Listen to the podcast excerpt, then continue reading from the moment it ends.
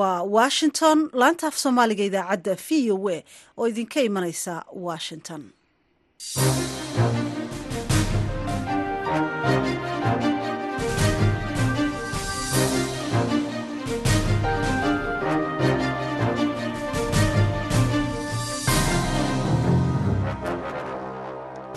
Waa fiidnimo salaaso ah tobanka bisha janawari sanadka labada kun iyo saddex iyo labaatanka waxaad naga dhagaysanaysaan mawjadaha gaagaaban hirarka efemyada geeska afrika iyo caalamkao dhan oo aad nagala socotaan bogga internetka ee v o a somaly com. Afrikada bari saacaddu waa toddobadii fiidnimo idaacaddana waxaa idinla socotiinaya anigoo ah sahre ciidla nuur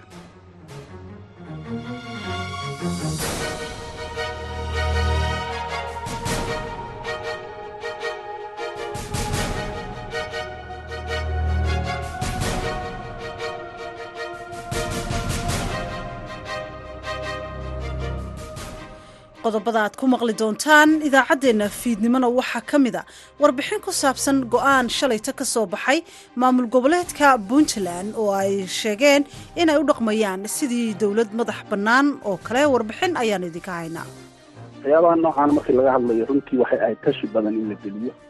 Sharci yaqaanaa jira waddanka tiro badan aqoon-yahan baa jira. Ummadda soomaaliyeed runtii kala go' ma jecla.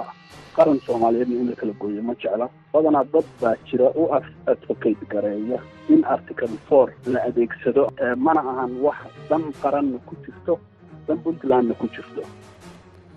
Qodobada kale aad maqli doontaanna waxaa ka mid a saamaynta ay abaaruhu ku yeesheen gobolka waqooyi bari ee dalka kenya.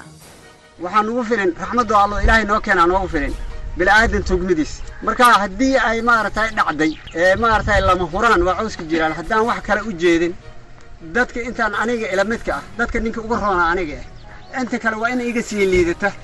Oo kaa bacalkii ama boqol neef haystay ari ah ama konton haystay ama laba dameer haystay waa iskaga soo tegay qodobadaasi iyo kuwo kale ayaad maqli doontaan marka horese warkii dunida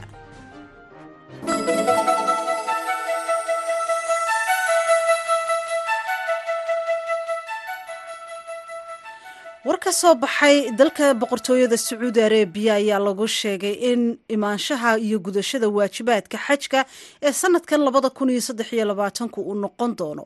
Sida kuwii ka horeeyey intii aanu bilaaban cudurka covid sagaal iyo toban taasi oo ka dhigan in aan la xadidaynin.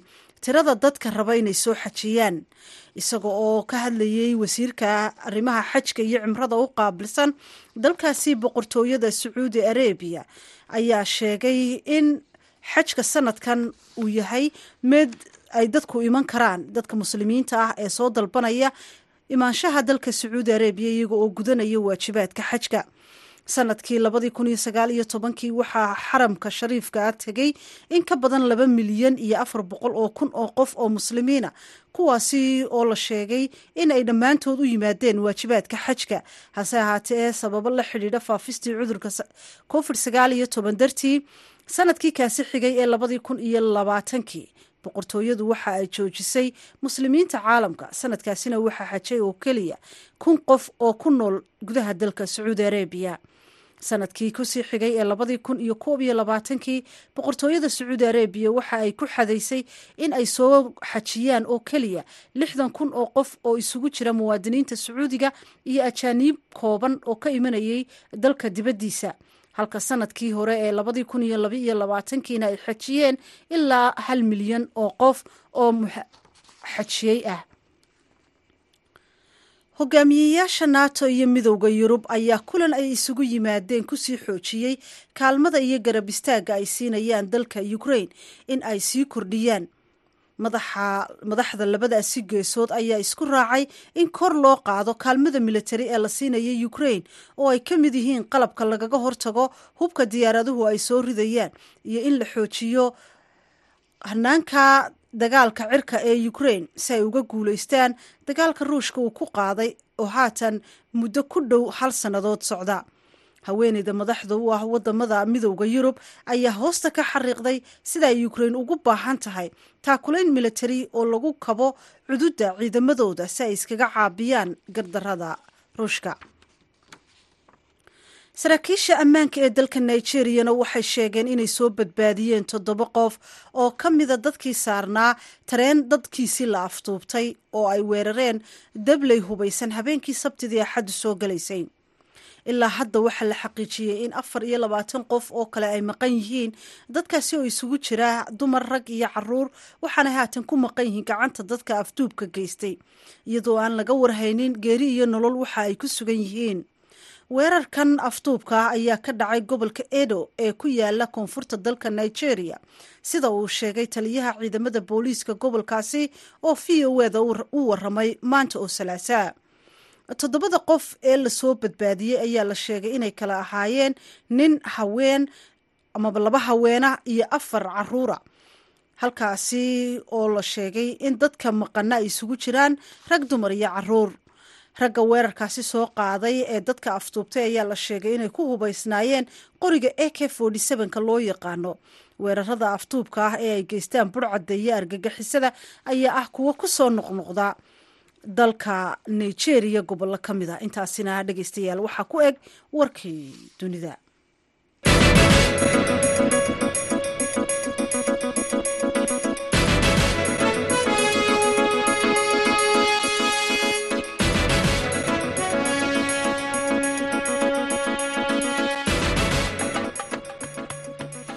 fiidnimo wanaagsan. Akhyaartana dhegeysanaysa halkaasi aad nagala socotaan. Waa v o a washington. Sidii aad warkaba ku maqlayseen mas'uuliyiinta dalka sacuudi arabiya ayaa sheegay in tirada dadka xajka soo gudanaya sanadkan ay gaari doonaan dadkii soo xajiyi jiray ka hor intaanu bilaaban amabaanu dunida ku faafin xanuunkii covid sagaal iyo toban. Wakaalada wararka ee associated press ayaa soo tabinaysa in sannadkii labadii kun iyo sagaal iyo tobankii ay soo xajiyeen laba milyan oo qof iyo weliba laba milyan iyo afar boqol oo kun oo qof. Halka sannadkii labadii kun iyo labaatankiina cudurka covid sagaal iyo toban daraaddii loo xadiday inay kun qof oo keliyihi geli karaan xaramka. Xuseen barre aadan ayaa inoo haya warbixintan oo ay qortay wakaalada wararka ee associated press. Xajka oo waajib ku ah dhammaan muslimiinta awoodda leh inay hal mar noloshooda soo xajiyaan ayaa ka mid ah kulamada ugu waaweyn ama meelaha ugu waaweyn ee dadku ay isugu yimaadaan. Ka hor koronaha xajku waxa uu malaayiin u soo jiidi jiray sanad walba magaalada barakaysan ee maka oo ah hoyga kacbada oo iyadu ah qiblada dadka muslimka ah. Sanadkii labadii kun in ka badan laba milyan oo qof ayaa ka qayb qaatay xajka laakiin sannadkii ku xigay ee labadii kun iyo labaatankii iyada oo lagu guda jiro xayiraadii uu sababay cudurka coronaviruska sacuudi arabiya ayaa si weyn u hakisay xajka iyadoo in ka yar kun qof oo sacuudiga ku nool loo ogolaaday inay ka qayb qaataan. Waxayna ahayd tallaabo aan hore loo arag weligeed. Xitaa intii lagu jiray faafitaankii hargabka ee sannadkii kii kaasoo dilay tobanaan milyan oo qof oo adduunka ah. Sanadkii kii ilaa kun oo qof oo deganaa sacuudi arabiya ayaa ka soo qayb galay xajka sannadkii la soo dhaafay ee kii waxaa tegay hal milyan oo qof. Isagoo ka hadlayay habeenkii isniintii shir ku saabsan arrimaha xajka oo ka dhacay magaalada jidda wasiirka xajka iyo cumrada sacuudiga towfiiq bin fawsaan alrabiica ayaa ku dhawaaqay in la qaaday xayiraadii. Cudurada faafa ayaa had iyo jeer ahaa welwel ku xeeran xajka. Daacuunkii dilaacay sannadkii kii waxa uu dilay dad lagu qiyaasay labaatan kun oo qof sidoo kale daacuun kale oo dilaacay kii ayaa isaguna dilay shan iyo toban kun oo qof adduunka. Sacuudi arabiya ayaa wajahday khatar ka timid cudur sababa xanuunka neef mareenka oo loo yaqaano meris boqortooyada sacuudigu waxay kordhisay tallaabooyinkeeda caafimaadka bulshada intii lagu jiray gudashada waajibaadka xajka sannadihii iyo iyada oo ku boorisay dadka buka iyo dadka da-da ah inaanay ka qaybgelin sanadihii la soo dhaafay mas'uuliyiinta sacuudiga ayaa sidoo kale soo orogay xayiraad ku saabsan xujayda ka imanaya dalalka uu saameeyey cudurka ebola. Ilaa iyo hadda ma cadda tallaabooyinka taxadarka caafimaadka ee la qaadi doono iyadoo xajku sanadkan uu ku soo beegmayo dhammaadka bisha juun. Inkastoo sacuudi arabiya aanay lahayn wax shuruud ah oo tallaalka coronavirus ama baaritaankiisa ah laakiin waxaa jira shuruudo kale oo la xidhiidha in xujayada laga tallaalo cudurro kale mahadsaned xuseen bare aadan oo noo soo koobayay warbixintii ay daabacday warbaahinta a b halkaad kala socotaan waa v o a.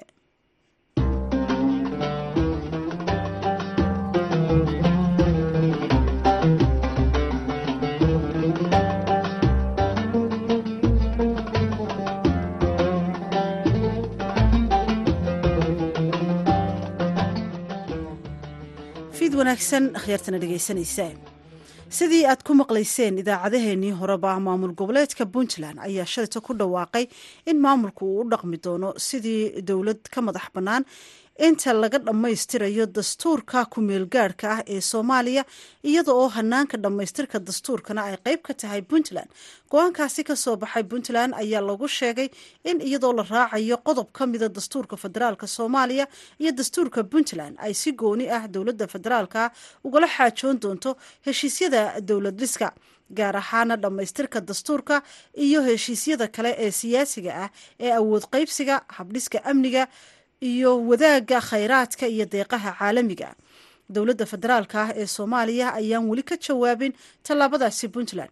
Warbixintan waxaa inoo soo dirtay wariyaha v o a faadumo yaasiin jaamac. Qoraal ka soo baxay madaxtooyada puntland habeennimadii xalay ayaa lagu sheegay in puntland ay u dhaqmayso sidii dowlad madax bannaan.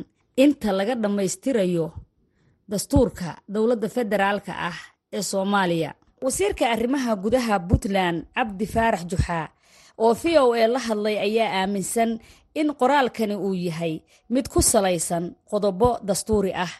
Walaal waxaa de taas horta waa wax dabiici ah waa wax caadiya waa wax sharciga waafaqsan qodobka afraad ee dastuurka puntland iyo qodobka boqol afartan iyo labo ee dastuurka federaalka ah oo iswaafaqsan ayaa qeexaya sida puntland ay u macaamilayso ama ay u dhaqmayso ka hor ilaa inta dastuurka laga dhamaystirayo ama afti looga qaadayo. Marka wax cusub ma aha waa arrin sharciyada ku salaysan weeye arrintaasi. Wax kalena kuma imane de waxay ku timi geedi socodka hanaanka dowlad dhiska soomaaliya oo muddo dheer socday doodaani dood soo taagnayd ba ahayd intaasba. Saluugmana ay ka qabto iminka puntland sida ay arrintu ku socoto marka la eego hortebinta barnaamijkan sida loo gelayo oo qadiimo waaweyn ay miiska saaran yihiin oo iyagoan iyagii laga heshiin oo wax la iska dhihin dastuurka dee boogsiiskiisa iyo kaheshiisiintiisa suurtagal ahayn oo ay ka mid tahay qadiyadda somaliland iyo soomaaliya oo soddon sano hadda dalka ee dibadda uga baxsan oo gooday oo wax tabatay oo ay ka mid tahay qadiyadda puntland iyo somaliland oo iyaga ruuxooda wax iskaga murugsan yihiin oo laba gobol oo sool iyo sanaag labaduba ku dul dhisan oo isku haya muddo dheer oo loolan ka jiro oo ay ka mid tahay arrinta maqaamka caasimada oo aan iyada wax laysaga ogaan ilaa iyo burburkii oo ay ka mid tahay arrinta dib u heshiisiinta iyo in dalku amni noqdo gacanta lagu dhigo. Doodaas oo dhami waa dood ballaaran. Oo ay soomaalida u baahan tahay inay la fugurto wax kaga ogaato intaa dastuurka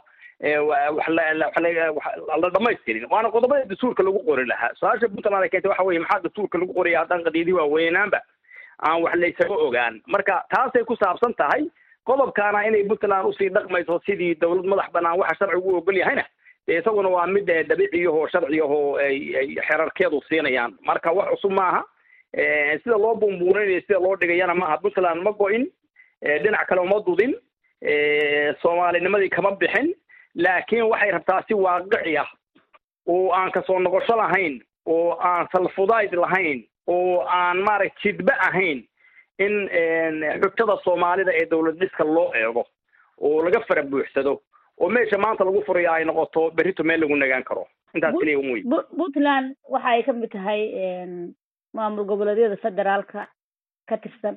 Marka maxaa iminka ay saluugsan tahay? Sababay inay tiraahdo si madax banaan baan wax u maamulanaya waxaa sababay waxa weeye heshiiskii hadda dhawaan lagu galay magaalada muqdisho oo puntland ay ka gaabsatay inay saxiixdo oo hanaanka garsoorka iyo hanaanka awood qaybsiga oo u muuqday runtii marka qodobadaas la eego inay dowlad goboleedyada u eg yihiin dowlado hoose. Municipal authorities inay u eg yihiin oo aad moodid inay awooddii dowladnimadii u sii siqayso sidii dowladdii dhexe ee burburtay ama dowlad dhexe taas ayaa keentay saluugmada ah qaabka maaragtay fekerkaas ayaa keenay. Marka doodaasun bay ku doodaysaa iyo hortelinta waxyaalaha ay tahay in laga heshiiyo marka hore oo aan iyaguna sidii loo baahnaa laysugu xejin haddii puntland go'aankan ay ku adkaysato maxaa dhinaca federaalka kaga baaqanaya marka? Walaalay horta doodaan dood cusub maaha. Dhinaca maxaa ka imanaya? Puntland dee soomaaliya ma go-in inkastoo goyitaanka ruuxiisu de usan dood cusub ku ahayn soomaalida hadda ka horba gobollo ay go-een oo soomaaliya ay tahay dal burburay oo soddon sano ka hor kala tegey oo kala aamin baxay oo laisla doonayo oo dhiran dhirir u baahan. Haddana puntland dee doodaheedu doodo weliga soo taagnaa bay ahaayeen. Ilaa iyo markii cali khaliif galayrabaha unaxaristay ra'iisul wasaaraha ahaa ilaa iyo farmaajihii ugu dameeyey doodahaas miiskay soo saaraayeen dowladda hadda joogta oo xasan sheekh maxamuud ka yahayna tabashadaas iyo doodaas aanu heshiis ku ahayn oo ka wada soconay. Puntland ma guurin miiskeedii bay taagan tahay. Waddadii ay ku doodaysay ku doodaysaa waxay leedahay un soomaalinimada iyo dowlad dhiska sida qaabka loo geliyo un hala saxo oo ha laga fiirsado. Waxaa tahay wasiirka arrimaha gudaha ee puntland. Marka muxuu yahay xalka la isugu soo dhawaan karaa ay puntland tabanayso lagu dhamayn karaa? Bay xalku waa furan yahay albaabkuna waa furan yahay dooduna waa furan tahay dowlad dhiskuna horta cidi waxay gaar ula carari karto ma aha waayo waa dhala jabtay waa dad dowladdii ka burburtay oo kala irdhoobay oo u baahan inay qaabka dowladda cusub ay u dhisanayaan ay ka heshiiyaan dowladdaasina ay noqotaa mid lagu wada noolaan karo oo lagu wada qanci karo. Marka albaabkaas doodaas waa furan yahay horena wuu u socday puntlandna dooda kama bixin laakiin qaabka ay u aragto dooda in loo galo iyo qaabkay u sii dhaqmayso ka hor intaan waxyaalaha qaarkood dhicin keliya miiska soo saartay. Laakiin wada soomaalidu wada hadal un bay wax ku dhamaysan kartaa wax si kale wax kuma iman karaa axmed cabdulaahi cilal oo horey u ahaan jiray la taliyaha madaxweynaha puntland arrimaha mashaariicda ayaa u arka in go'aankani yahay mid lagu degdegay. Go'aanka madaxweynuhu oo la yiri waxaa la trigger garaynayaa ama la activate garaynayaa qodobka article four waxaan u arkaa inuu ahaa runtii arrin ka fiirsasho badan u baahan. Puntland waxaa jira dastuurkeeda ku jira qodobo kale oo xaqiijinaya inay loo dhisay asbaabta puntland loo dhisay inay ka mid tahay qarannimo soomaaliyeed in lagu raadiyo. Waxaan u arkaa in dowladdu had iyo jeer ku goodido article four baan activate garaynaynaa inay soomaalida laftigeeda ama qarannimadeeda wax wax u dhimaya tahay. Waxaa kale oo jira waxyaabaha noocan markii laga hadlayo runtii waxay ahayd tashi badan in la geliyo. Sharci yaqaanaa jira waddanka tiro badan aqoon-yahan baa jira ummadda soomaaliyeed runtii kala go ma jecla. Qaran soomaaliyeedna in la kala gooyo ma jecla. Badanaa dad baa jira u advocate gareeya in article four la adeegsado ama la activate gareeyo. Mana ahan wax dan qaranna ku jirto dan puntlandna ku jirto. Waxay ila tahay maxaad xal u aragtaa marka? Puntland dabcan waxbay tabanaysaa arrimaha ay tabanayso ma ku saxan tahay ma ma habboon tahay in maaragtay tixgelinteeda la siiyo oo waxa ay ka cabanayso laga qanciyo way habboon tahay. Puntland waa ku habboon tahay. Ummadda dhammaan ummadda soomaaliyeed iyo steedyada kalena waa ku habboon yihiin qolo kastoo wax tabanaysa. Dowladda federaalka ah inay ka qanciso waxa ay tabanayso in soomaalidu tala wadaag noqoto oo taladu ay ka dhexayso waddanka maadaama uu federaal yahay waa waa wax saxa waana wax loo baahan yahay. Laakiinse waxaa muhiima waxa la tabanayo laftigooda dhab ahaantii horta in laisla fahamsan yahay. Maxaa la tabanayaa? Madano gooniya oo khaasa oo madaxweynaha puntland uu wataa tabashada la sheegayo. Maxay tahay? Ma loo soo bandhigay ummadda? Waxa hadda laga cabanayo oo la tabanayo ma ka warqabnaa siyaasadda puntland waa ku jirnaa. Dad badan oo reer puntland oo aqoon-yahana oo siyaasi ah oo dhaqan ah baa jira. Waxaan aragnaa inaysan ogeyn shacbiga puntland laftigooda in detail inaysan u ogeyn waxa laga hadlayo la tabanayo waxaan kale oo ognahay laakiin qodobo laakiin qodobo puntland ay diiday shirkii ugu dambeeyey oo aysan saxiixin. Maamul goboleedyadana ay saxiixeen ayaa jiray way walaal horta in badan baa muddo dheer soomaaliya laga hadlayay wax la yidhaahdo fiscal federalization ama yani fiscal harmonization in la sameeyo. Waa wax laga hadlayay waa wax furan waa doodo jira. Waa in laga wada hadlo yani qaybsiga khayraadka tusaale ahaan waxyaabo badan oo kale waa in laga wada hadlo. Waana wada hadal stage ay joogaan waa in laga wada hadlo oo laysku qanciyo laakiinse waxaan ii muuqanin yani puntland inay had iyo jeer ku goodido. Waxaas haddii aan saa la yeelin article four baan activate garayn horta article four anigu waxaan aaminsana puntland inay ceeb ku tahay. Had iyo jeer puntland inay article four kaas ku ku hanjabto maxaad ku tarin lahayd? muxuu yahay xalka la isugu soo dhawaan karaa oo xiriirka wada shaqeynta uu ku soo noqon karo? Xiriirka waxaa la isugu soo dhawaan karaa horta kow dowladda puntland si ay ama support u hesho ama la yiraahdo loo yiraahdo waa lagaga waa puntland xukuumadda puntland arrintaa waa lagaga gar leeyahay ama waa ku gar leedahay si loo yiraahdo. Marka hore waa inay open tahay. Bulshadu ama ama waxgaradkeedu ama aqoon-yahankeedu ama siyaasiyiinteeda aan ahayn madaxweynaha waa inay og tahay horta waxa la isku haysto. Faadime yaasiin jaamac v o a boosaaso. Waa hagaag dhegeystayaal haatana kenya.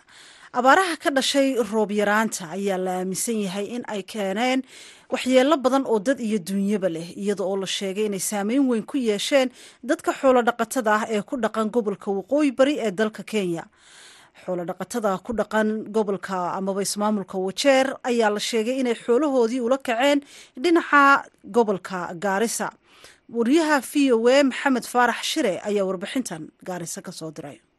Kauntiga wajeer iyo gobolkani waqooyiga bari dalka kenya qaybo badan oo ka mid a.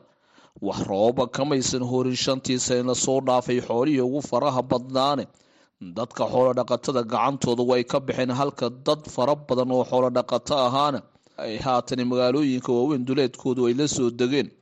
Caruurtooda salaad cali samaan waa oday lixdan jira kana soo jeeda kauntiga wajeer shan boqol oo ari ah xoolo uu ka lahaa.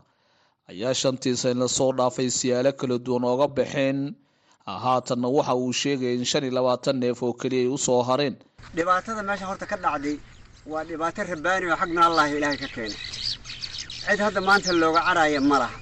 Aniga waxaan jiraa tiri lixtanaad kutoka nineteen seventy one iyo berga dhexdooda tan u qorata weligay ama soo marin. Intaan abaar arki jiri sababtoo ah afar sano oo kaamil ah sanadka shanaadaan gelaynaa wax sano oo nagu filin ilaahay nama siinin. Maadaama saas ay tahay waxa hadda meesha aan agtayda ama gadaashayda yaalla waa arigaydi. Waxaan lahaa shan boqol oo neef oo ari ah shanti boqol oo neef oo ari oon lahaa saaki waxaa ka nool shan iyo labaatan neef aa ka nool.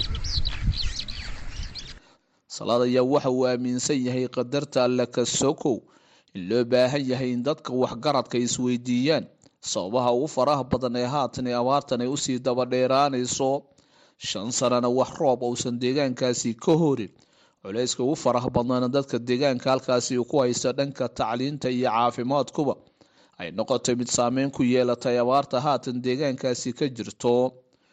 Maadaama waxaan ka codsanaynaa dowladda hay'adaha iyo dadka inta la halmaasha in arrintan dhibaatadan masiibadan oo rabbaani ah wixii ay ka tari karaan inay ka taraan. Marka anigu waxaan nahnay dad maaragtay u dhiboon abaar abaartaadna waan ku soo celinaa waa masiibo rabbaani oo cidan hadda wax u sheeganayna. Rabbiga macbuudkan wax u sheeganaynaa waxaa nugu filin raxmadoo allo ilaahay noo keenaa noogu filin. Bila'aadan tugmidiis marka haddii ay maaragtay dhacday ee maaragtay lama huraan waa cawska jiraan haddaan wax kale u jeedin dadka intaan aniga ila midka ah dadka ninka uga roona aniga ah inta kale waa ina iga sii liidata.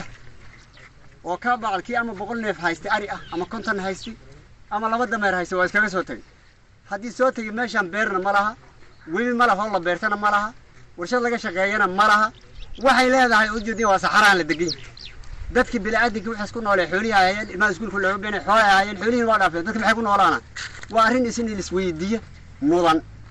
Dadka marka maaragtay uu ahlu cilmiga ah ama dadka ahlu khayrka waxaan maxaan filayaa waxaan arki jirni ma aha.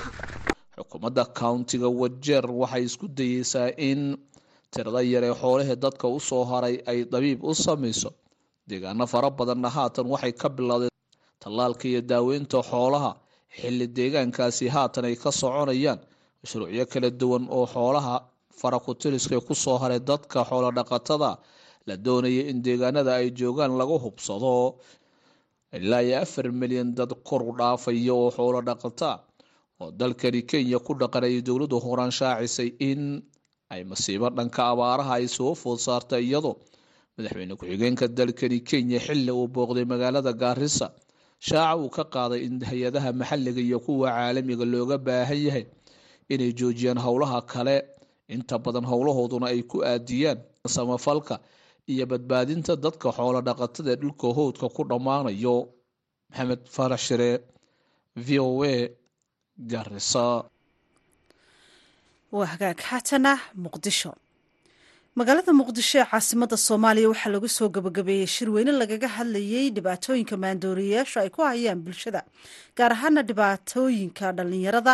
Waxaana muddo laba maalmood oo shirkaasi socday lagu soo bandhigay cilmi baadhisyo lagu sameeyey waxyaabaha ugu badan ee hadda ay dadku u isticmaalaan maandoori ahaan sidoo kale waxaa shirka qayb ka ahaa dood cilmiyeedyo ay ka qayb galeen madax iyo wasiiro ka tirsan dowladda soomaaliya. Waxaa kale oo muddada shirka uu socday laga hadlay dhakhaatiir ka kala socday xarumaha caafimaadka ee ku yaalla gobollada dalka kuwaasi oo ka shakeeyey kiisas la xidhiidha maandooriyayaasha iyo dadka qabatimay oo la keenay goobahooda caafimaad. Wariyaha v o a cabdicasiis barrow ayaa la kulmay cabdi axmed baafo agaasimaha guud ee hay'adda dhaxalreeb oo ah hay'adda shirweynahan soo qabanqaabisay. Waxaanu ka waraystay shirkaasi.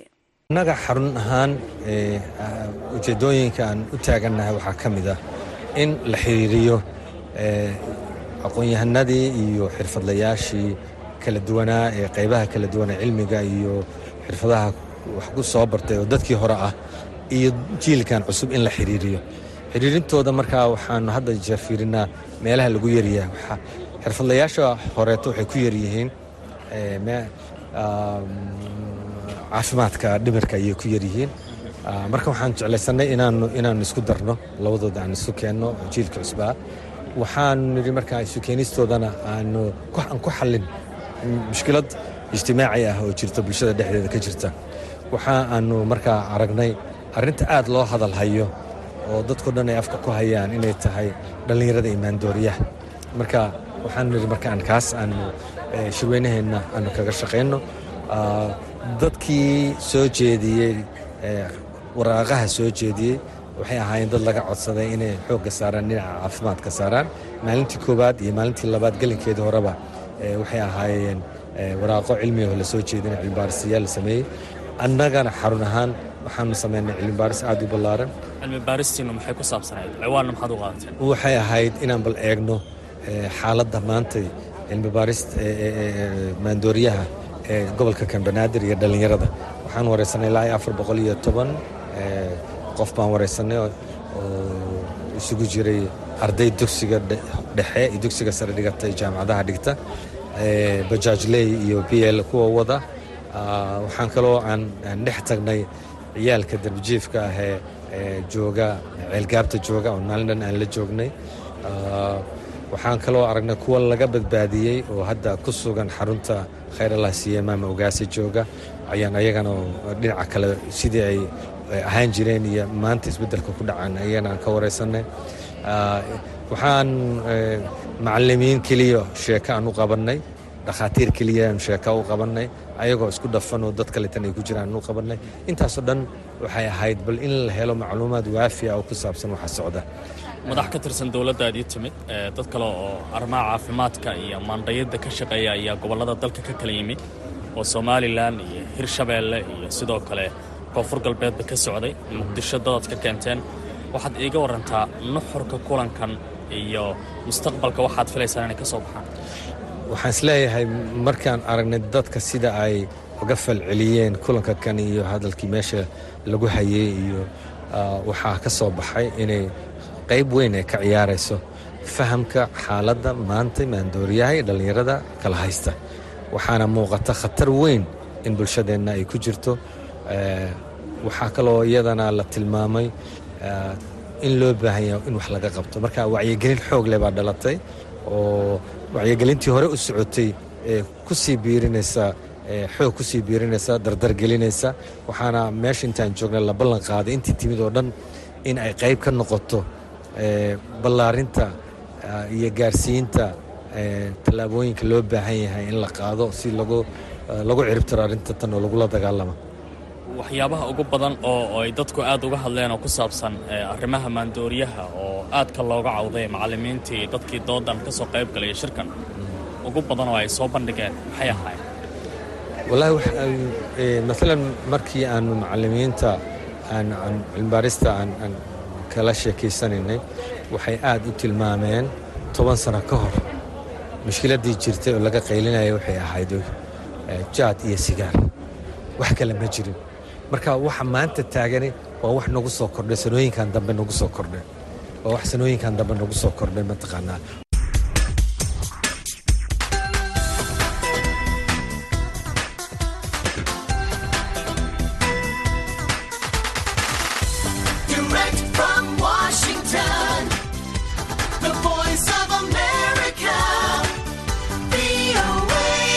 fiid wanaagsan dhegaystayaal ku soo dhowaada barnaamijka toddobaadlaha ah ee caweyska dhadhaab kaas oo idinkaga imaanaya laanta afka soomaaliga ee v o a radioga xeryaha dhadhaab barnaamijka toddobaad walba waxaaad ku dhegaysataan laba mawduuc oo ah kuwa ay ugu hadalheynta badan yihiin bulshada ku nool xeryaha.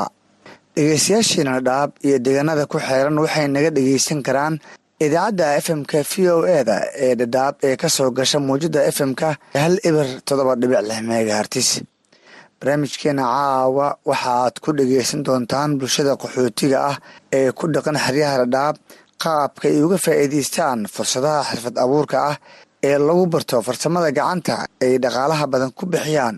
Hay'adaha ka howlgala xeryaha qaxootiga iyadoo dhalinyaro badan oo qaxooti ah xilligan ay baahi badan u qabaan fursadaha shaqo abuurka iyo farsamada gacanta. Sidoo kale barnaamijka waxaa qayb ka ah qaxooti danyar ah oo ka faa'iidaystay deeq lacag ah oo ay siisay mid ka mid a hay'adaha ka howlgala gudaha xeryaha. Barnaamijka kama marnaa xubintii shakhsiga toddobaadka oo isbuucan aan ku eegi doono xaaladda ay ku nool yihiin dadka da-da ah ee ku nool xerada xagardheera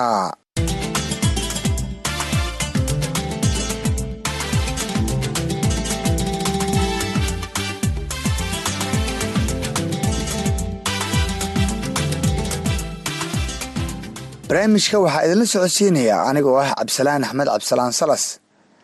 Hay'adaha samafalka ee ka howlgala xeryaha dhaab ee dalka kenya ayaa sanad kasta dhaqaalo badan ku bixiya fursadaha xirfad abuurka ah ee farsamada gacanta lagu barayo dhalinyarada qaxootiga ah sida korontada harqaanka kombyuutarka cilaansaarka sawirqaadista iyo xirfado kale taas oo dhalinyaro badan oo qaxootiha u noqotay fursado ay ku soo dhacsadaan waxsoo saarka ama biilasha qoysaskooda.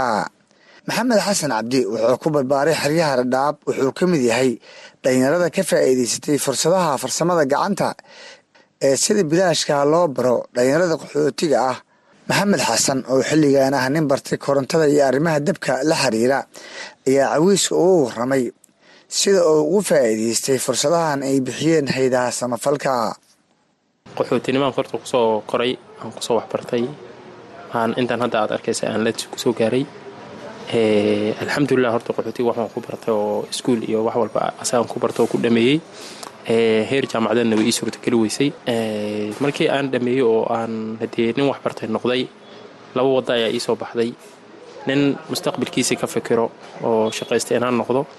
Shaqadiina dee shaqo waxbarasho oo hadda shaqadii waxay aan baranay meeshii dowlad ma aha oo hay'ad baa gacanta nagu hayso. Dadkan dowladda waddanka u dhashay manihin dad qaxooti baan nahay. Shaqooyinka soo baxayeen weyna anfici waayeen. Iskuul waxaan bogay lix iyo tobankii ayaan bogay. Intaas markaan laba sana aan baagamoonto ahaa oo iskuulkiina aan bogay ayaan waxaan ku fikiray bal waxbarashadii inaan wax ku sii tarto. Waxaan waxaan waxbarasho ka helay oo aan ku biiray haddana hay'ad yeeb la dhahayo iskuul yeeb la dhahayo ayaa la furay. Iskuulkaan tegey. Marka nimbe qayb buu baranayay kombyuutarka harqaanka maryaha lagu tosho korontada nimbe meel buu baranayay alxamdulilah ani waxaan bartay qaybta korontada. Korontada ayaan dhahay bal inaad takhasus ku noqoto. Muddo adi iyo toban bilood ay igu qaadatay. Korontadii combality inaan ka dhigo oo aan soo dhammeeyo oo aan waraaqadii certificateka la isiiyo aqoonsigii macnaha aan ku dhameeyey. Wixii ka dambeeyeyna waxaan noqday nin korontiiste ah oo ku shaqaysto xirfadda korontada. Waana i anfacday nin koronto ka shaqeeyaan ahay meel walbaa la iga wacayanayaa fiilo walboo hallaawdo ama motoor walboo hallaaba ayaa la iga wacayaa. Marka way kaafisay alxamdulilah waxbarashadii labiy tobanka sane aan soo dhiganayay. Iyo middan oo labiy toban bilood aan dhiganayay. Hadda waxaan dhihi karaa middan labiy tobanka bilood ayaa anfacday sababtoo ah waa wax aan gacantayga ku qabanayo aan maskaxdayga ku qabanayo saacaddan rabo aan qabanayo. Hay'ad uma shaqeeyey cidna uma shaqeeyey ciddii biilkeedii iyo walaalbo korontadaasaan ku anfacay. Markan yow shaqadaas way anfacday. Shaqa la qabtana dee kolley waxaa ugu fiican uun tan adi aad horta u tahay. Dhalinyaro badan oo way jiraan oo magaalada nala joogo oo qaxootiga nala degan oo sidaanadoo kale wax nala bartay. Aad buu u mahadsan yahay kaasan wuxuu ahaa maxamed xasan oo igu waramay gudaha xeryaha dhadhaab ee gobolka waqooyi bari. Shaqooyinkan dhalinyarada lagu barayo farsamada gacanta ayaa ah mid lagu doonayo in dhalinyarada qaxootiga ay hormariyaan fursadaha ay ku heli karaan shaqooyinka si ay wax badan ugu beddelaan nolosha qoysaskooda. Iyadoo dhalinyaro badan oo gudaha xeryaha ku bartay farsamada gacanta ay xilligan yihiin kuwa wax badan ka bedelay nolosha qoysaskooda. Koorsooyinkan la xiriira farsamada gacanta ee hay'adaha samafalka dhaqaalaha badan ku bixiyaan ayaa waxaa jira dhalinyaro badan oo ka faa'iidaystay kuwaas oo aan awoodin haddii aysan heli lahayn fursaddan inay iska bixiyaan koorsooyinka ay haatan baranayaan amaba ay barteen. Magacaygu waa cabdulaahi maxamed jaamac. Waxaan bartay cilmiga la dhao vocational training skills balambin xirfadda macnaha oo gacanta oo biyogelinta iyo wax ku saabsan tuumbooyinka. Waxaa xeryaha qaxootiga imaaday labadii kun iyo sideedii waxaan ku dhashay qoryooley cilmiga aan bartay waa balambin marka balambinkaas wuxuu ku saabsan yahay dhalinyarta oo farsamada gacanta la barayo wax injineerin hoos gala waay marka balambinkaasna waa arrin aada u muhiima oo hadda saaid loogu baahanyay marka balambinkaas ayaan bartaa waxaana ka bartaa sifiriya xerada qaxootiga ee dhagax. Marka hay'adaas ayaa fursada muhiimkana siisay dhalinyar badan bay siisay oo iskugu jiro suudaniis iyo soomaali marka dad badan oo qaxootiya oo dhalinyara ayaa ka faa'iidaystay barnaamijkan waana barnaamij muddo soo socday oo dad qaar ay bogeen oo hadda ay ku shaqeeyaan. Marka aniga horta dad oo xirfada qof iska jecel baana xirfado badan baan soo bartay. Marka sidaa darteed waxaan arkay xirfadan biyogelinta in dalkii hooyo oo soomaaliya looga baahan yahay caalamkao dhanna zaaid looga baahan yahay. Marka internetka gale waxaa arkay shaqooyinkeeda inay qiimo badan oo lacaga leeyihiin inay zaaid loogu baahan yahay sidaa darteed maadaama nin dhalinyaro ahay oo meeshan aan joogo oo haddii iyadoo bilaash lagu barayaan arkay marka sidaa darteed ayaan bartay waxaana jeclaa inaan sii wado ilaa heer jaamacadeed barnaamijkan imise bilood baa loogu talagalay galaaskan inuu socdo. Galaaskii waxaa loogu talagalay oo shahaadada ku qoran sanad shahaado waxaway caalami oo ka soo baxayso kenya national industrial training authority oo loo soo gaabiya nita. Marka waana hay'adda oo kenya u xilsaaran arrimaha engineerinka iyo waxyaalahan dhan. Marka aduu waa shahaado caalami oo shahaado qaran waaye marka sanad bay ku baysgaraysan tahay. Sanadkaasaana loogu talagalay in kaalkii galaasba lagu bogo. Waayahay dhalinyarada qaxootiga ah ee ku nool xeryaha fursadan aad aragtay ma yihiin kuwa ka faa'iidaysanaya ama baahi badan u qabo markaad fiiriso kala duwanaanshaha dhanka galaasyada ah walaahi hadda galaaska markaa dhiganayay hadda markii dhalinyarta soomaalida aan fiiriyo hadda muddadan dambe dad waaweyn xataa waa ila dhiganayn hay'adaha ka shaqeeyo. Marka dadku hadda way soo fahmeen intaasoo dhalinyarahana waan geeyo oo waa encourage gareeya oo waxaan dhaha fursadan qaali waayey faa'iidaysta. Adduunka hadda xafiis keliya kuma koobno vocational training skills ayaa loo gudbay oo ah shaqada gacanta. Marka engineerinka waa muhiim waana qaali. Hadda nairobi haddaa tagta xataa waxyaalahan vocational training skillska ku saabsan waa wax ka qiimo duwan xirfadaha kaloo la barto oo way ka qaalisan yihiin hadda halkan galaasoo bilaashka nagula siiyey markii kenya nairobi aad dhiganaysa afartan iyo shan kun baa bixinaysa. Marka waxaan dhihi lahaa fursaddan waa fursad qaali oo hay'adda idinka bixinayso ka faa'iidaysa dhalinyar badanna waan ku dhiirigeliyaa markastana waan jeclahay haddana maalin dhoweyd kuwa badan baan diiwaangelinta geeyey. Kuwa kalena waan ku tala jiraa inaan geeyo balse soomaalida dhalinyarteeda sidii loogu talagalay umadanayaan ugamana faa'iidaystaan. Qaarkood wayba ka faanayan waxay ku leeyihiin skilliskan oo traininka oo shaqadan. Marka muhiimadu maaha haddii waxaa baratay inaad dhul qodayso ama ka shaqaynayso. Ee muhiimadu waxa waa ilaa wax haddaa sii wada inaa engineering oo waxaanay tahay oo xataa theory iyo qoraallo chemistry iyo physics iyo waxyaalo badan gelayo oo xisaaba. Marka waxaan waa engineering engineeringkana ciyaar maaha lama yeso ka faa'iidaysa fursado badan oo hadda dhalinyarta ku faanaan oo waxaa jiro nairobi marka la taga raqiisa laakiin kan uu ka qaalisan yahay marka dhalinyarta waxaan ku dhiirigelinaya inay ka faa'iidaystaan. Waa tahay. Ma isku aragtaa inaad tahay shakhsi baranayo cilmi muhiim u ah dabcan dalkiisa iyo dadkiisa haa waa muhiim cilmigan dalkayga iyo dadkiisa. Caalamkao dhan buu xataa muhiim u yahay marka khaasatan soomaaliya markaan fiiriyo waa wadan burbur intaasoo sano ku soo dhex jiray. Marka waxaa arkaa in loo baahan yahay beri dabaqyo iyo biyogelin iyo waxyaale marka engineerinka waa waxa zaa'id looga baahan yahay soomaaliya. Dal dhismayo hadda burbur ka soo kabsanayana zaa'id baa looga baahan yahay dad oo macnaha xirfadahaas iyo waxyaalahaas garanaya marka waa u malayn karaa haddii wadankayga aan ku laabtay inaan wax badan uga bedeli karo. Fursadda. Aad buu u mahadsan yahay cabdulaahi maxamed jaamac oo igu warramay gudaha xeryaha qaxootiga. Xuseen cabdalla jiraango waa mid ka mid a macalimiinta ka howlgala iskuulka yeeb ee ay maamusho hay'adda n r c oo ka mid a goobaha ugu badan ee dheeradan qaxootiga lagu baro fursadaha shaqo abuurka ah ee la xiriira farsamada gacanta. Macalin jiraango ayaan weydiiyey qaabkay u xushaan bulshada ay waxbaraan. Magacayga waa xuseen cabdalla jiraango waxaan ahay macalinka dhigo korontada iyo solarka xifrada loo yaqaano electrical and solar installation. Waa tahay macalin waxaad ka warbixisaa. Waa tahay ardayda qaxootiga ah oo aad qaadataan kn xafiis ahaan ood xirfadaha farsamada bartaan qaabkee baad ku kala xulataan oo aad ku doorataan. Badanaan ardayda waxaan ku qaadanaa sida ruulka uu dhigayo cunug iskuul dhiganaya in la soo qorin because laba iskuul iskuma keeni karo marka taagetka wuxuu yahay dadka iskuulka dhameeyey shaqo la'aanta ah magaalada iska joogo iyo dadka ayagoo yar galaaska shanaad lixaad iskuul ugu tagay duruufo awgeed. Haddana aan awood u helin inay iskuul ku laabtaan aan barayna xifrad ay ku shaqaystaan si beri noloshooda ay u maareeyaan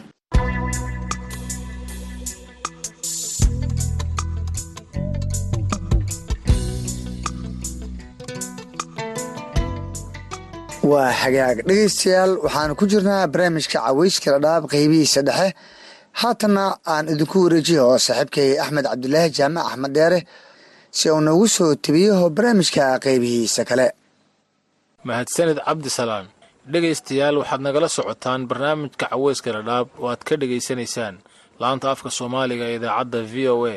Waxaanuu barnaamijku si toosa idinkaga imanayaa xeryaha dhadhaab ee gobolka waqooyi bari ee kenya. Magacaygu waa axmed cabdulaahi jaamac ku soo dhowaada warbixinno kale oo ku saabsan nolosha dadka xeryaha qaxootiga oo qayb ka ah barnaamijka caweyska dhadhaab ee toddobaadkan. Waxaa ka mid a qodobada aad ku maqli doontaan xubintii shakhsiga oo toddobaadkan uu marti noogu yahay aadan qorax boore oo ah guddoomiyaha guddiga waayeelada xerada xagardheer oo ka hadlaya duruufaha nololeed ee dadka da'da ku haysta xeryaha qaxootiga waxaad kale oo maqli doontaan dad ka faa'iidaystay deeq lacaga oo mid ka mid a hay'adaha samafalka ee ka howlgalay xeryaha dhadhaabi ay siisay qoysas danyar ah oo ku nool xeryaha qaxootiga. Aan ku bilaabay dhegaystayaal aadan qorax boore waa guddoomiyaha guddi ay leeyihiin dadka da'dooda ay ka sarrayso lixdanka sano ee ku nool xerada xagardheer waxa uu ka hadlayaa nolosha adag ee dadka waayeellada ah ku haysata xeryaha qaxootiga gaar ahaan dadka aan lahayn carruurta ama ehel kale oo caawiya toban sano ku dhowaad waxaan ahaa jeemanka waayeellada ee qaxootiga xagardheera. Waxa badan baannu soo marnay aayado fara badan baannu la soo shaqaynay. Hadda oo u dambaysay waxaana xukunta oo aan weli naga sii bixin. Aayad la yidhaahdo l w f yaana xukunta. Welina raadkeedii baa nugu dambeeya waxqabadkii ahaan jirtayna waxaa weeyo mar ay wax bixbixin jirtay waa jiraan laakiin waxqabadkeeda hadda wuu yaraaday. Boqolkiiba siddeetan iyo shan waxqabadkeeda waa yaraaday. Waayeelladu waa dadka ugu liita qaxootiga xeryaha qaxootiga ee dhadhaab gaar ahaan magaalada qaxootigan xagardheer ahaan. Anidu hadda deganahay een ka ahay jeemanka waa ilaa shan kun oo oday oo ka sarraysa lixdan iyo wixii ka weyn. Qaar baa waxay jiraan siddeetan qaar waxay jiraan toddobaatan qaar waxay jiraan sagaashan qaar waxaad arkaysaa sariiraha saaran oo boqol cagaha ku dhuftay. Dadkaas way iska dhibban yihiin dhaqaala ma haystaan. Cuntadii la cuni hayay ee macnaha qaxootiga la siinayay ee ama moordi ha noqoto ama galley ha noqotone ma cuni karaanoo gowsiba ma lahaba waxay cunahayeen wax uun qaarkood. Waa dadka isku mid maaha kuwa da'dooda ay siddeetan gaadhay waxay cuni karaanba male. Ninkii koob caanaha heli kara unbaa uun afkiisa waxgelinayaa wixii kaleetana dee waxay ku noolyihiin ilaahga weynaha waaxidkaabaa garanhaya way iska dhibaataysan yihiin. Waa dadka u jilicsan qaxootiyaasha xeryaha dhadhaab dadka waayeellada ah iyo dadka naafada. Aba naafadana ku darar u n c r iyo dowladaha deeqda bixiyo. Waxaan dhihi lahaa inay dadkaasu ay macnaha ay ilgoona ah ku fiiriyaan oo wax u qabtaan oo wax u sameeyaan oo barnaamij loo sameeyo. Barnaamijkaasoo ah in loo sameeyo wax la yidhaahdo. Dowladda kenya ama u n c r waxay samaysaa lacago ay bixisaa oo ay siisaa. Dadka liita ay siisaa lacagna hadda ayagoo ooma soo dhacdo. Waayii horeeto labaatan qof soddon qof baan arki jiray oo la siinhayo teleefoonadooda shan shan boqol oo shilin baa loo soo gelin jiray. Shantii boqolla hataa ma hadda lama hayo. So ma jiraan waxyaabo loo qoondeeyo oo dhinaca ama gogosha ama hoyga oo dadka waayeeladaa la siiyo? Wax qoondo ah oo loo siiyo oo sidoodaba loo siiyo ma laha. Meeshan xeryahan waxaa u weyn u n c r u n c r na waxaa weeye bajetka marka ay hesho hay'adaha way u qaybtay laakiin hay'addan l w f layidhaha wax ay leeyihiin oo waayeel iyo curyaan baa iska leh. La yidhaahdo qoonda ah ma jirto mana arag. Laakiin waxaa jiri jiray waagii hore qolyo deeqbixiyaha oo oo caalamka ka tirsan oo marmar noo yimaada. Oo marmarkaana waxaanan yar oo aan ku fillayn. Markay afar kun oo oday ay tahay ama waayeello oo dumar leh ama waayeelo oday leh markaasaa waxaa lagu leeyahay waxaa u soo qoondaysaa ilaa labaatan qof ama soddon qof baa waxaa layidhaha soo qoondee oo la siinaya bambas baa layidhaha bambaskana waxaa weye macnaha dadka aan kaadida ceshanin ee waayeellada ee duqooshinka ah ee joodanida ama gogosha ay lahaayeen ku kaadinaya. Labaatan xabbaa layleeyahay soo qor maxay gaadhaysaa? Shan kun oo qof ama kaba badanba oo waayeel ah oo iska rafaadsan oo aan layidhi labaatan qofa laga soo qorin layidhi bambas baa la siinaya. Xaggee wax ka gaadhaysa? Ma gaadhaysa waay arrinta waa ma gaadhaysa waay marka waa dad iska rifaadsan oo aad u jilicsan oo dhibaato haysata waa dadkaas. In kasta oo dadku ay markay da-dooda weynaato ay kulligood baahiya iska qabaan laakiin dadka laba qaybood bay u qaybsan yihiin. Waxaa jira dad dee ay haystaan ubadkoodii oo ay xanaanaynayaan iyo dad iyagoo ubad la'aana guryaha keligood ku nool meelo cidla-a degan misena da'ooda ay aad u weynaatay.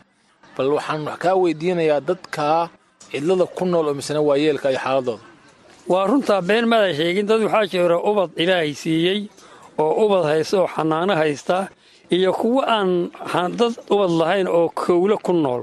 Kowle markuu soo qaato bakeeri saliidah ubadna uusa ag joogin.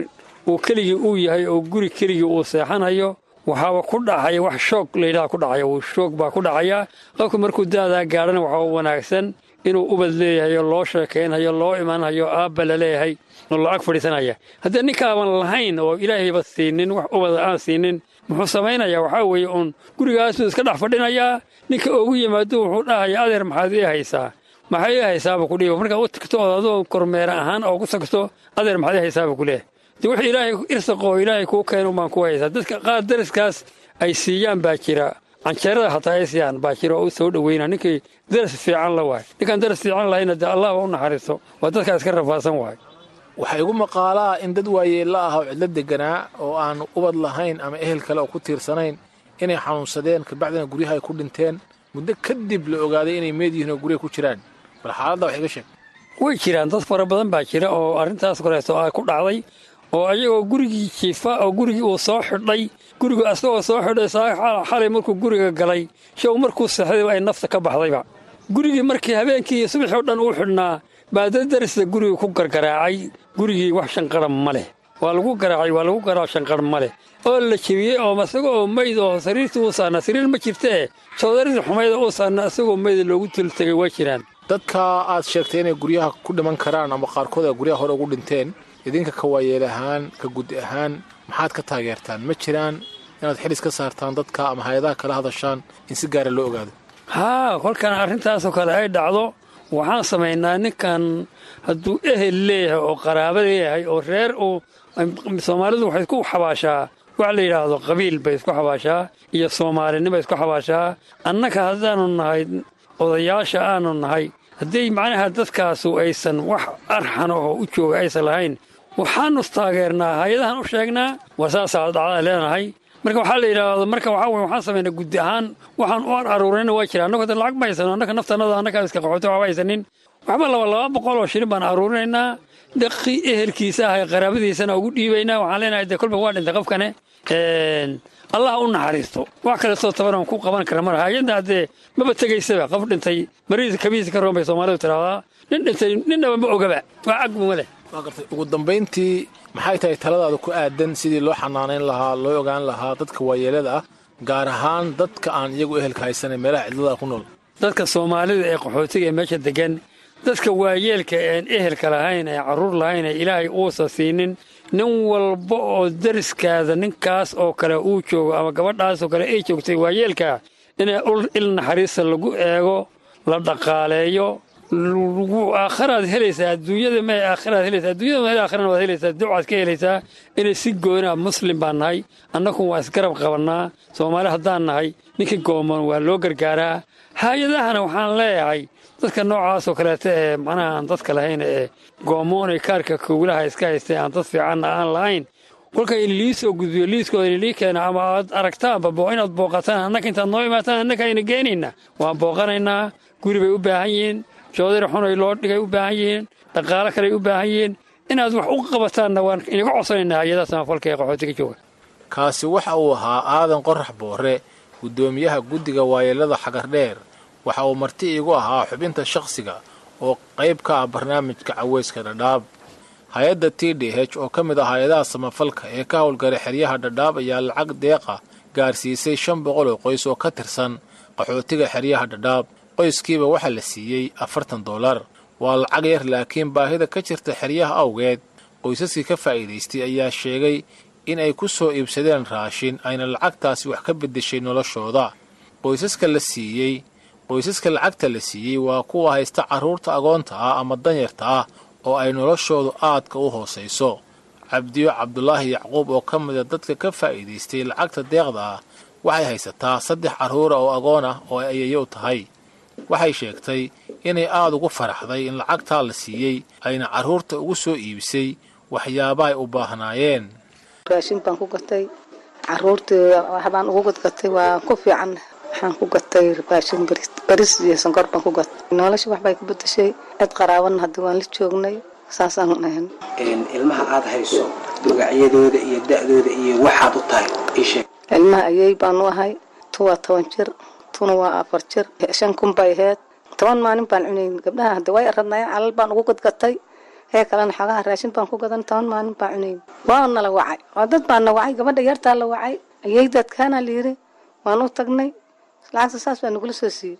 Waa baahnayn dad baahana aan waxba wadanin aan heno kaligood imaaday.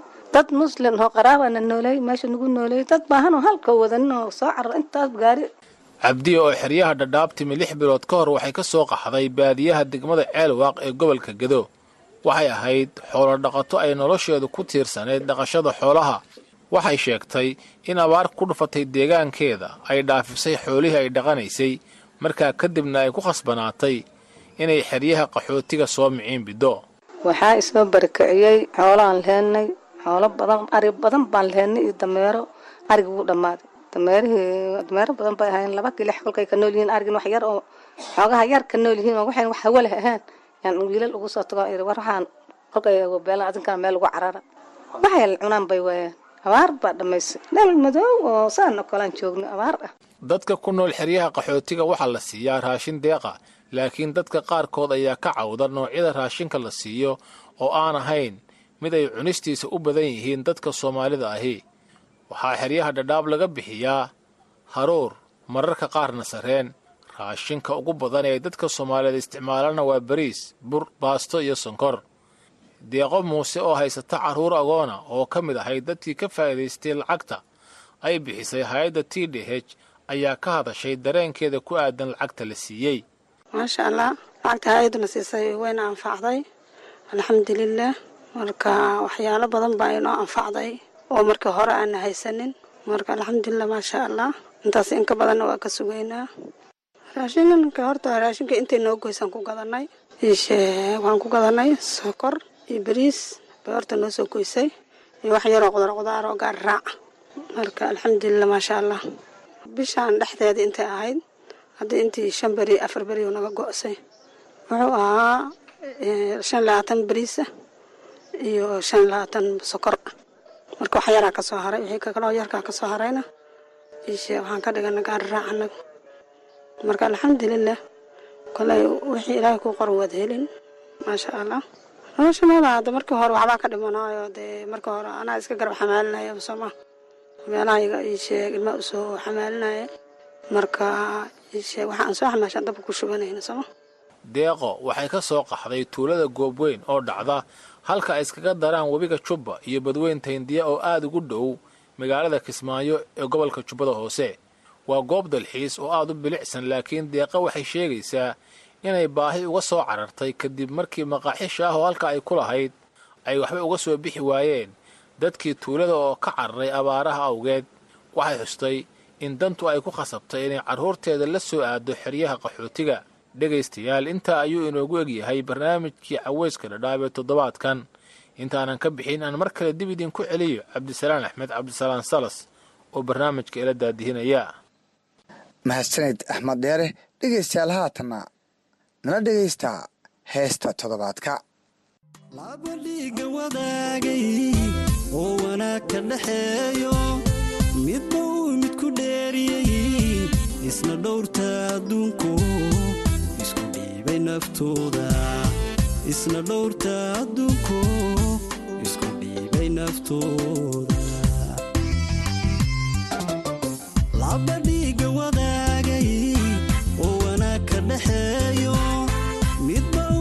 dheeriyey isna dhowrta adduunku isku dhiibay naftooda isna dhowrta adduunku isku dhiibay naftooda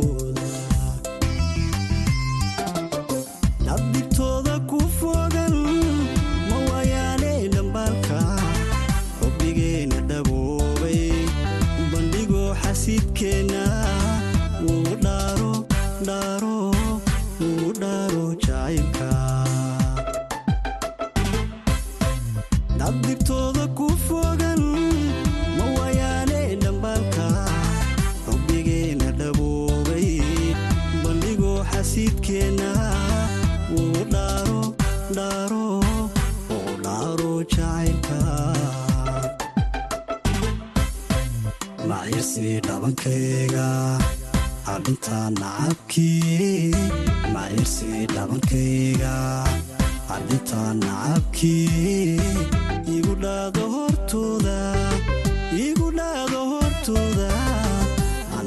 kugu dhaato igu dhaado hortooda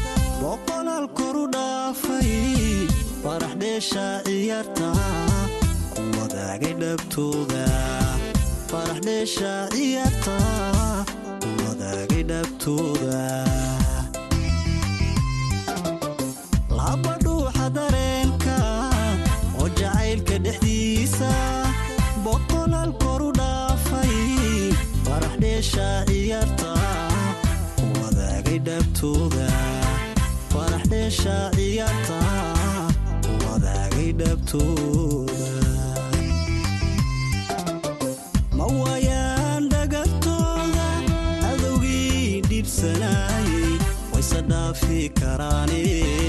haddii aan mid dhiibsanaynin show jacaylka jacaylka oo jacaylkuma dhammaado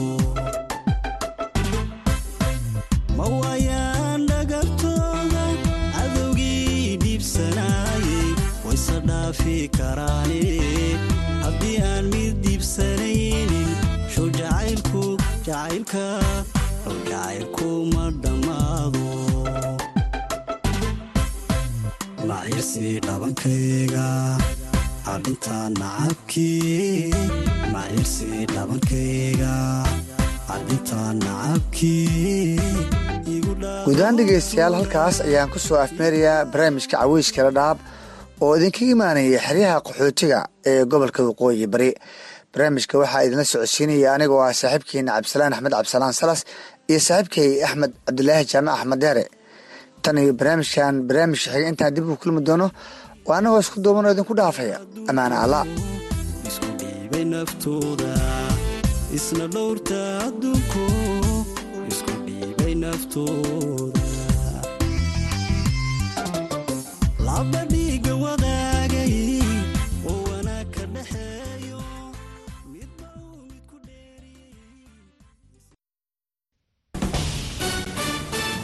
This is VOA News. I'm Jeff Custer.